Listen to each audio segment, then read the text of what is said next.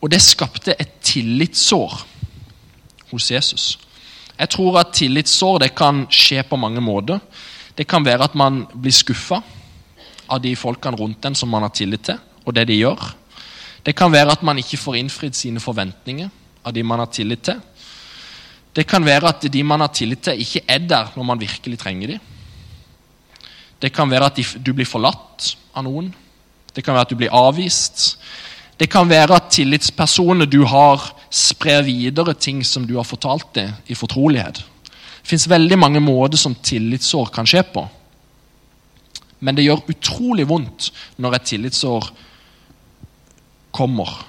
Og jeg tror at en av grunnene til hvorfor det gjør så vondt, det er fordi at relasjoner er så viktig.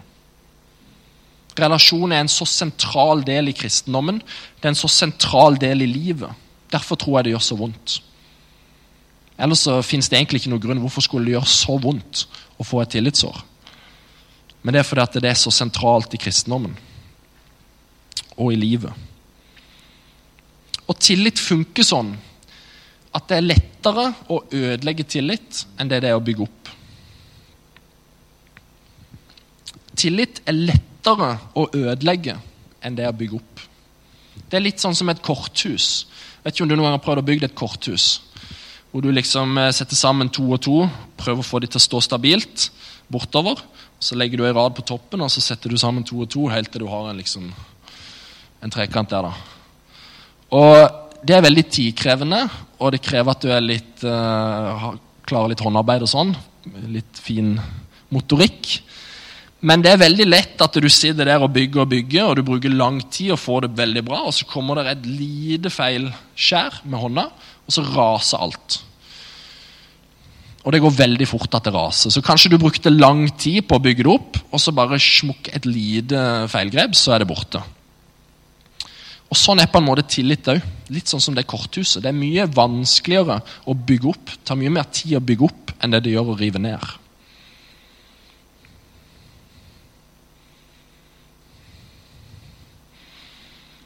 Og det gjør veldig vondt når man får et tillitsår. Men når det da har skjedd, at man får et tillitsår, så tror jeg det fins to måter å gå videre på som er destruktive etter man har fått et tillitsår. To måter man kan gå videre med livet sitt på som er destruktive etter man har opplevd et tillitsår. Den første måten det er at man isolerer seg. Det tror jeg er en destruktiv vei å gå etter man har opplevd et tillitsår. Man isolerer seg. Man kanskje skyver folk litt bort, og man slipper ingen innpå seg. Og det er en veldig naturlig vei å gå etter man har opplevd et tillitsår. Det er en veldig logisk, forståelig vei å gå. For den som isolerer seg etter et tillitsår, tenker jo at 'dette vil ikke jeg oppleve igjen'. Dette ønsker ikke jeg at skal skje igjen, og derfor skyver man folk litt bort. Man tenker at jeg vil liksom ikke gi noen den samme muligheten til å såre meg på ny, for det gjorde så vondt, så derfor liksom bare skyver jeg folk litt bort. Man ønsker liksom å ha litt garanti for at man ikke blir såra igjen. da. Og greia er jo den at det funker faktisk. Hvis du skyver folk bort og isolerer deg, så blir du ikke såra. Da får ingen den der tillitsposisjonen til å kunne såre deg igjen. Så det fungerer jo. Problemet er jo bare at du får et nytt problem, og det er ensomhet. Du mister, du mister den skumle sida av tilliten, og det er jo vel og greit. Men samtidig så mister du den vakre sida. Begge deler forsvinner.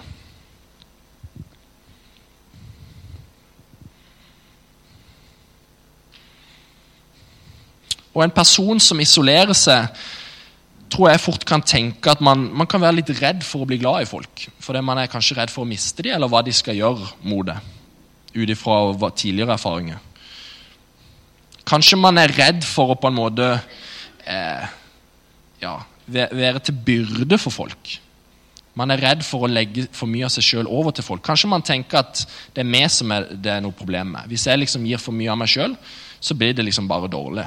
Da, da bare ødelegges det automatisk. Som om det er liksom meg og det jeg kommer med, som er noe problematisk.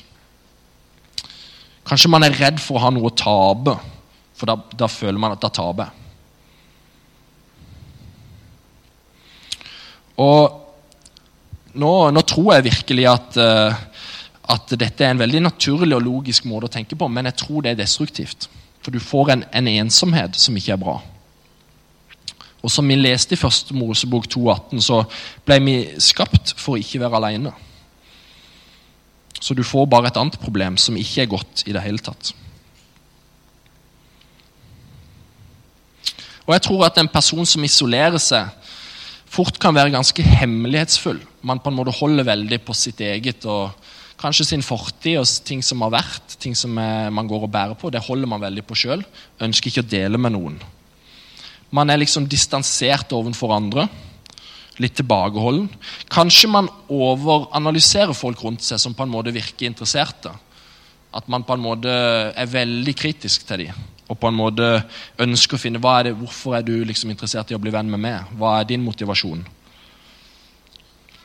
Man blir liksom mistenksom på andre mennesker, og man slipper ikke mennesket for tett innpå seg. Kanskje man ønsker å fremstå veldig sterk, veldig som at 'jeg klarer meg sjøl i livet'. Jeg liksom trenger ingen. Og man på en måte har et sånt bilde utad. Men på innsida så kjenner man seg veldig svak. Man kjenner seg veldig ensom. Det er én måte å gå videre på i livet etter et tillitsår som er destruktivt. Den andre måten som er destruktiv, å gå videre på etter et tillitsår, det er at man blir veldig kontrollerende overfor nære relasjoner. Man blir kontrollerende overfor de man har rundt seg. Og den personen som går den veien videre, tenker litt annerledes. Den første personen som isolerer seg, tenker jo at jeg vil liksom ikke ha den skumle sida, så da går jeg glipp av den vakre sida. Mens en person som blir kontrollerende, tenker mer at jeg vil ikke ha den skumle sida, men jeg vil absolutt ha den vakre sida. Så man prøver på en måte å kjøre bilen uten hjul. Man prøver å kjøre bilen uten motor. Og det sier seg sjøl at det blir ikke veldig bra, det blir ikke veldig ekte. Men det er allikevel det man prøver på. Og hvis du skulle prøvd sånn teoretisk da, å ha en relasjon der det var null risiko for å bli såra, så er den eneste måten å liksom få det til en viss grad til på, det blir jo å kontrollere den andre gi den andre ingen mulighet til på en måte å, å sjøl bestemme. Det er bare du som bestemmer. Og eh, Nå tror jeg at kontroll og, og maktutøvelse og sånn kan komme fra mange kilder. Men jeg tror bl.a. at en av dem kan være et tillitssår. Og En kontrollerende person det er en person som ikke gir tillit, men allikevel vil ha relasjoner. Det er en person som på en måte alltid vil være øverst i nære relasjoner. Man ønsker å styre hva som skjer, man ønsker å styre viktige valg og sånne ting. Man legger seg veldig i den andre personen, og hva den andre personen gjør, og den personen, hvordan den andre personen lever. Man er veldig krevende overfor de rundt. Krever mye. Vil få andre til å gjøre det man vil sjøl, uavhengig av hva de sjøl vil. Og hvis man går imot en person som er kontrollerende, så blir det bråk. Da blir det liksom en kamp. Skal liksom ikke, du skal ikke på en måte ha den nei-muligheten. Du skal ikke ha den der eh, friheten til å gjøre litt sånn som du vil sjøl, for den er på en måte skummel. Da kan du såre med. Da kan du gjøre valg som ikke er bra for meg. Så det, det som en kontrollperson sier, det er liksom ikke råd, det er lov. Det er en lov. Og man ønsker liksom tvinge den andre til å gjøre min vilje. Og det kan man, finnes mange metoder på det.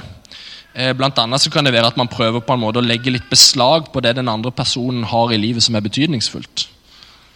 Litt sånn som hvis jeg får tak i ei gulrot, og du er veldig glad i gulrot, og jeg holder den her, da prøver du å gå her. Hvis jeg holder den der, så prøver du å gå der. Så prøver man liksom å styre den andre litt, da. Med på en måte å, å ha det den andre personen syns er betydningsfullt pressmiddel, på en måte. Og man ønsker ikke å gi den andre personen rom til å velge sjøl, for det betyr at jeg kan bli såra. Og Det er jo en veldig naturlig og logisk vei å gå etter et tillitsår. For det, det gjorde så vondt, og man ønsker ikke at det skal skje igjen. Og En kontrollerende person vil vel veldig ofte bare tenke at nå gjør jeg noe bra for alle her. Jeg bare sørger for at det, det ikke blir så dumt igjen. på en måte. Men problemet er jo bare at det blir ikke ekte. Kontroll kan tvinge fram lojalitet, men ikke ekte relasjon.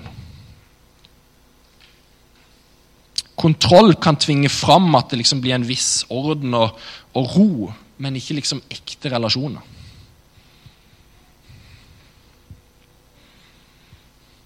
Så fins det kanskje noen her da, som sier og tenker, men er ikke det en veldig god beskrivelse av Gud? da? Er ikke han fryktelig kontrollerende? Jeg mener, Han fikk jo et tillitssår på en måte etter syndefall og at vi valgte å gå bort fra han. og sånn. Er ikke han en litt sånn kontrollerende fyr oppe i himmelen der som ønsker liksom å se ned på oss og de dumme valgene vi har gjort mot han, og så på en måte ønsker han å kontrollere oss og på en måte ta det litt den veien? Nei, det tror jeg er feil. Det tror jeg er feil.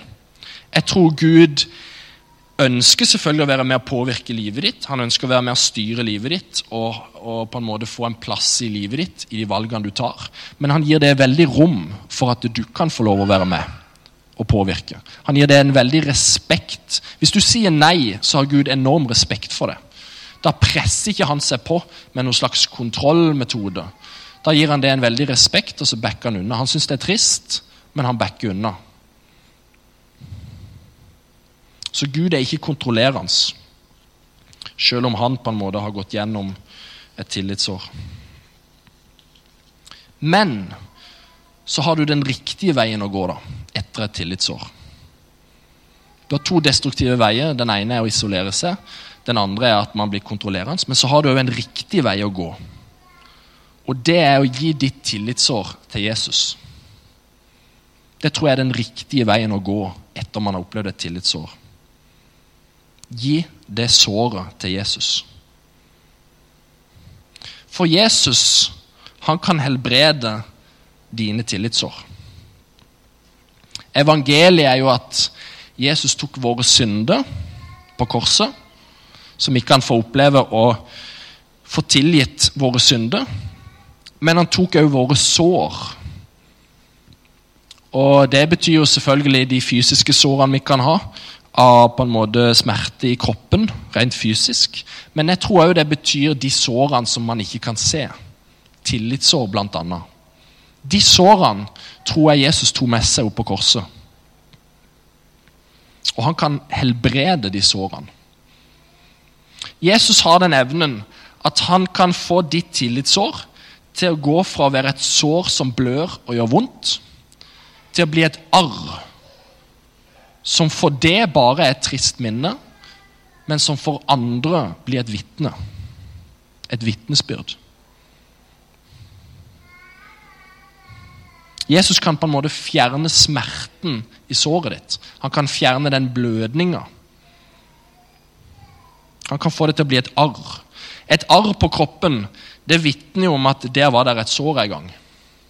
Der fantes det et kutt som blødde og som gjorde vondt, men som i dag bare er et arr. Så det ligger på en måte igjen et spor at det, det var noe der som ikke var bra en gang. Men det er liksom ikke like vondt lenger. Hvis du ser et åpent sår, så gjør jo det fortsatt vondt. Det blør enda og gjør enda vondt. Men et arr, det gjør ikke vondt lenger. Og jeg tror at mennesker rundt det som ser arr, det tror jeg kan være et utrolig sterkt vitnesbyrd for dem. Kanskje hvis man sjøl har et sår som gjør vondt, og så ser man at du har et arr der, de har et sår, så tenker de hvordan fikk du det til å bli et arr? Hvordan klarte du å gå gjennom de tillitsbruddene du gikk gjennom, og fortsatt kunne leve med å gi tillit på ny? Fortsatt kunne leve uten å isolere deg, uten å bli kontrollerende? Hvordan kan det gå an? At det blir et vitnesbyrd for dem om Gud.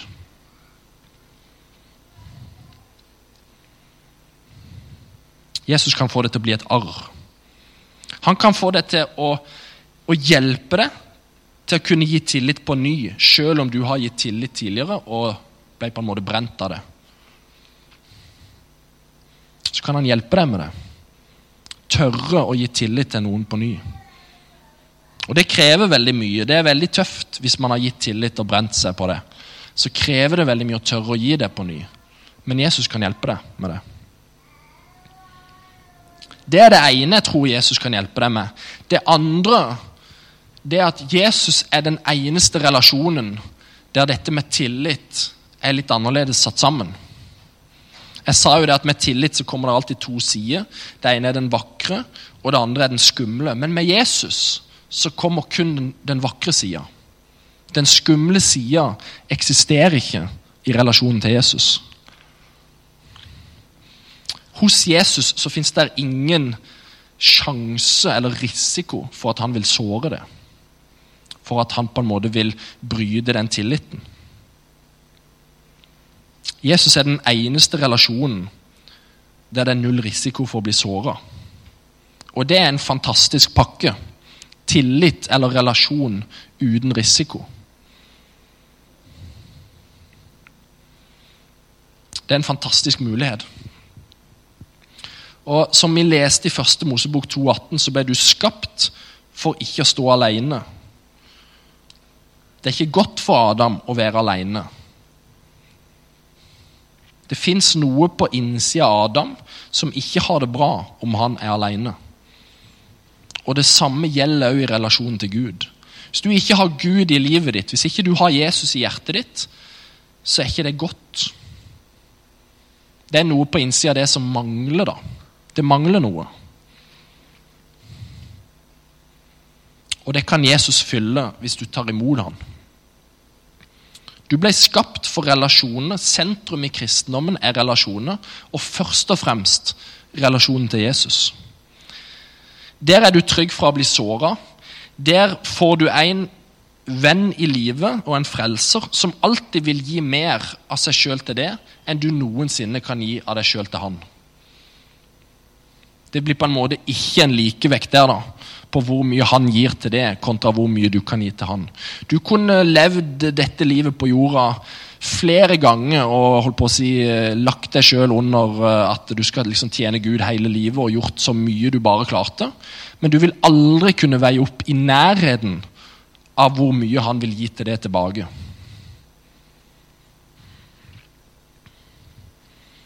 Og du vil få en venn som kan helbrede dine tillitssår. En person som kan få de til å gå fra å være et sår som gjør vondt, til å bli et arr. Og jeg tror at uh, Dette budskapet her tror jeg er ganske tøft. Men jeg tror hvis du kjenner på tillitsår så tror jeg dette er veldig viktig at du får tak på. Gi tillitsåret ditt til Jesus. Kanskje du sitter her og kjenner deg igjen i noen tillitsår du har fra din, ditt liv som, som, kanskje du til og med kjenner en, en smerte med enda. Du kjenner at det, det fins en blødning der, det fins en smerte i det såret. Det er ikke helt lekt enda. Da vil jeg virkelig anbefale deg å gi det helt over til Jesus. Gi det tillitsåret til Jesus. Kanskje du òg sitter her og kjenner deg igjen i en av de to veiene. At, at du har isolert deg litt etter det tillitsåret, eller at du har på en måte blitt litt kontrollerende. Da kan du fortsatt gi det over til Jesus. Så kan han hjelpe deg til å gi tillit på ny, sånn at relasjonen blir ekte. Sånn at du tør å stå i den relasjonen der du både har den vakre sida og den skumle sida.